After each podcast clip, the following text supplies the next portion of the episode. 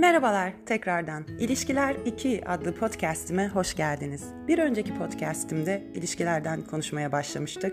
Fazla uzun olmasın diye hemen kestim. Buradan devam etmek istedim. Eğer dinlemeyenler varsa bir önceki podcastimi dinleyebilirler.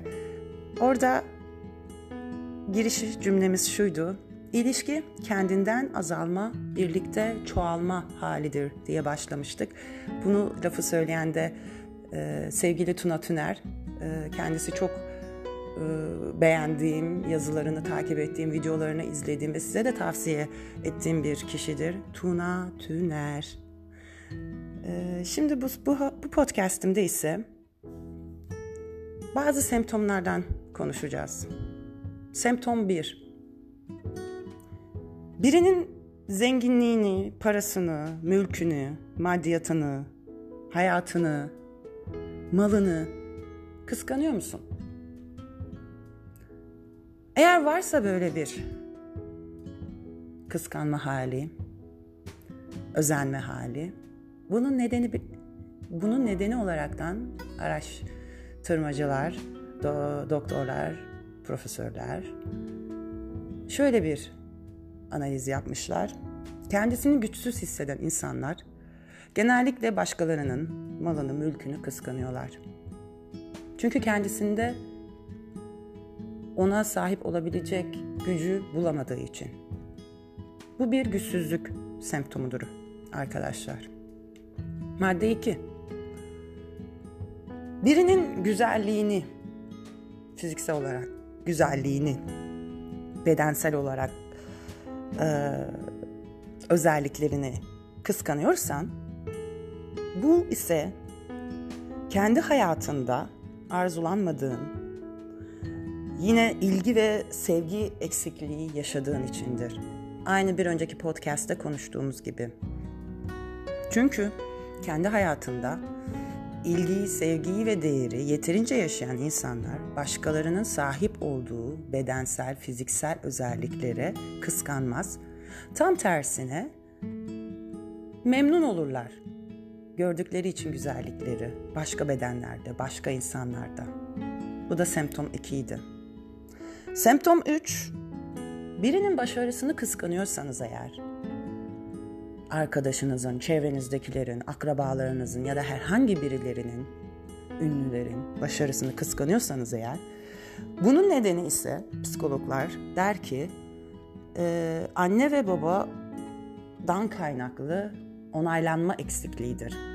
Yani ne demek oluyor bu? Bir insan eğer ailesinde annesi ve babası tarafından yeterince onay alamıyorsa, yeterince onore edilmiyorsa bu insan devamlı başkaları başkaları hmm, konuşamadım özür dilerim. Başkalarının başarılarını kıskanıyorlar.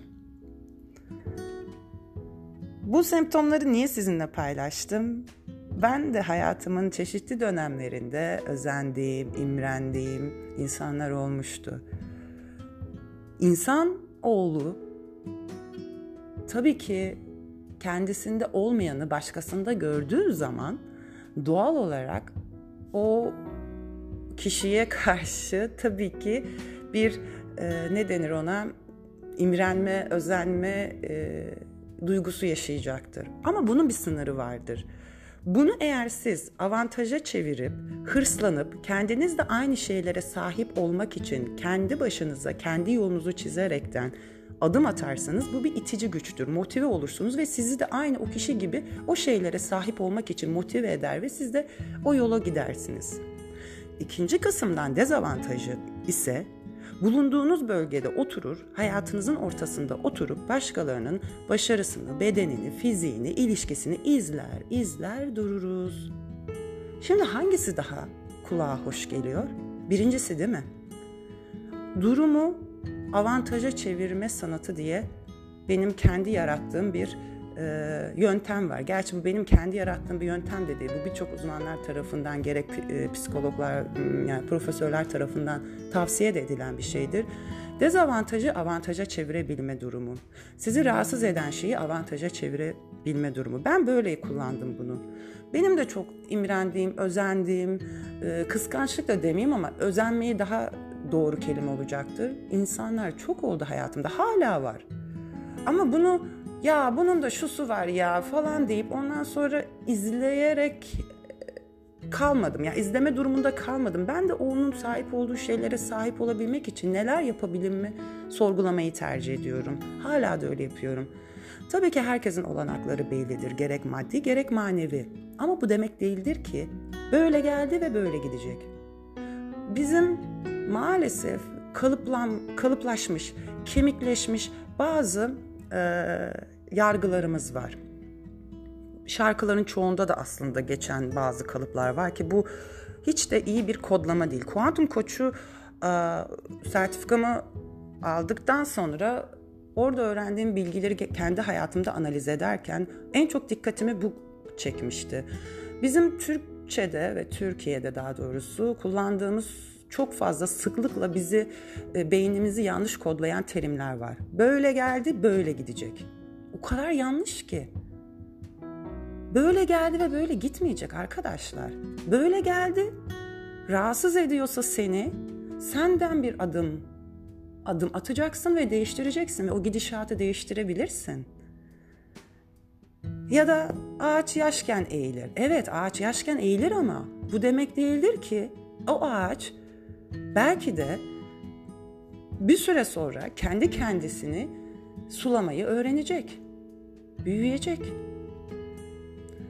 Ve şu anda aklıma gelmeyen ve bunun gibi e, olan birçok yanlış kodlama e, deyimlerimiz var.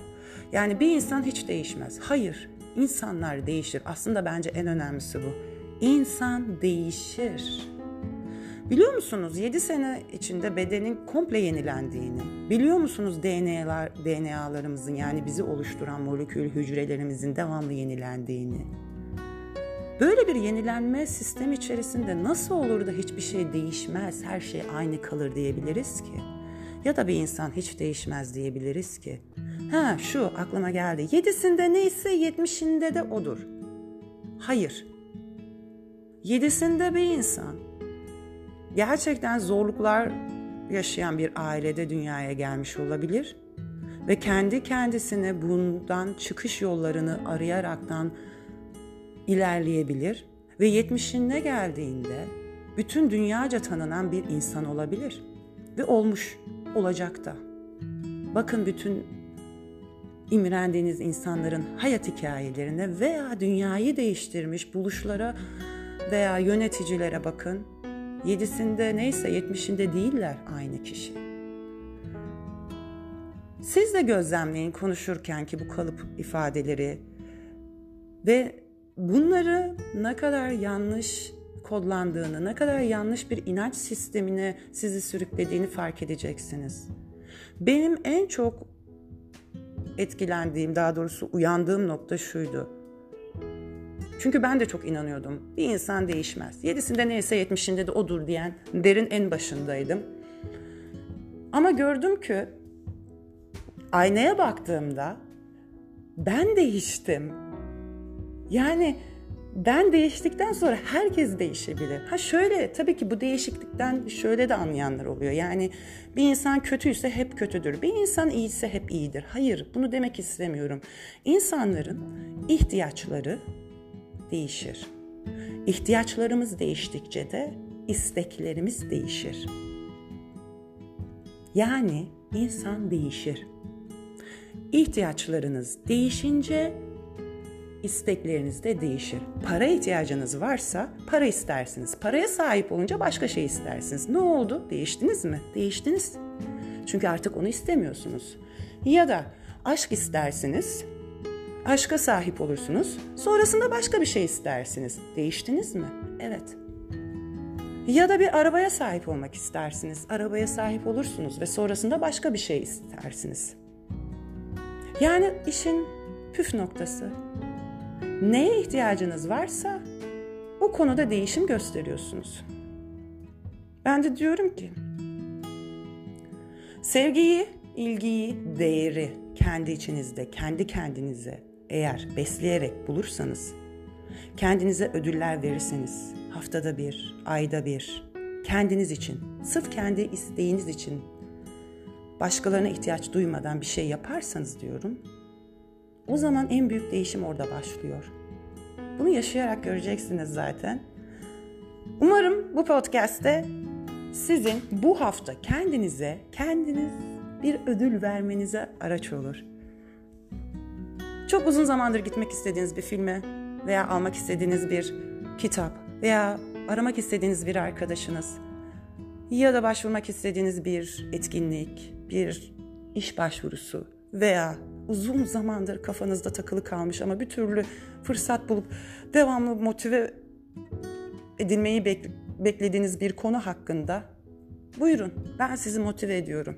Başlayın ona. Adım atın. İlişkilerle başladık. Sizinle bitiriyoruz. İşin özü her şey sende başlar. Sesimi duyan herkese sevgi, selamlar olsun. Sağlıcakla kalın, sevgi dolu kalın.